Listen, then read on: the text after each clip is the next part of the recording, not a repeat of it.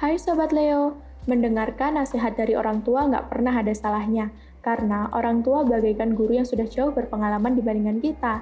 Dan jangan pernah membantah kehendak orang tua ya Leo, karena restu orang tualah yang bisa mengantarkan kita pada kemudahan dan kesuksesan.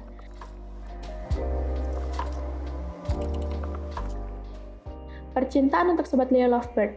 Mungkin dengan pasanganmu yang ini, kamu bisa menjalin hubungan yang langgeng dengannya.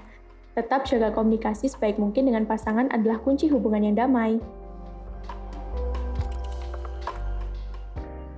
Percintaan untuk Sobat Leo yang masih single, kamu tertarik dengan seseorang dengan wawasan yang luas, karena menjalin hubungan yang serius bukan hanya sekedar bertanya sudah makan atau belum dan semacamnya.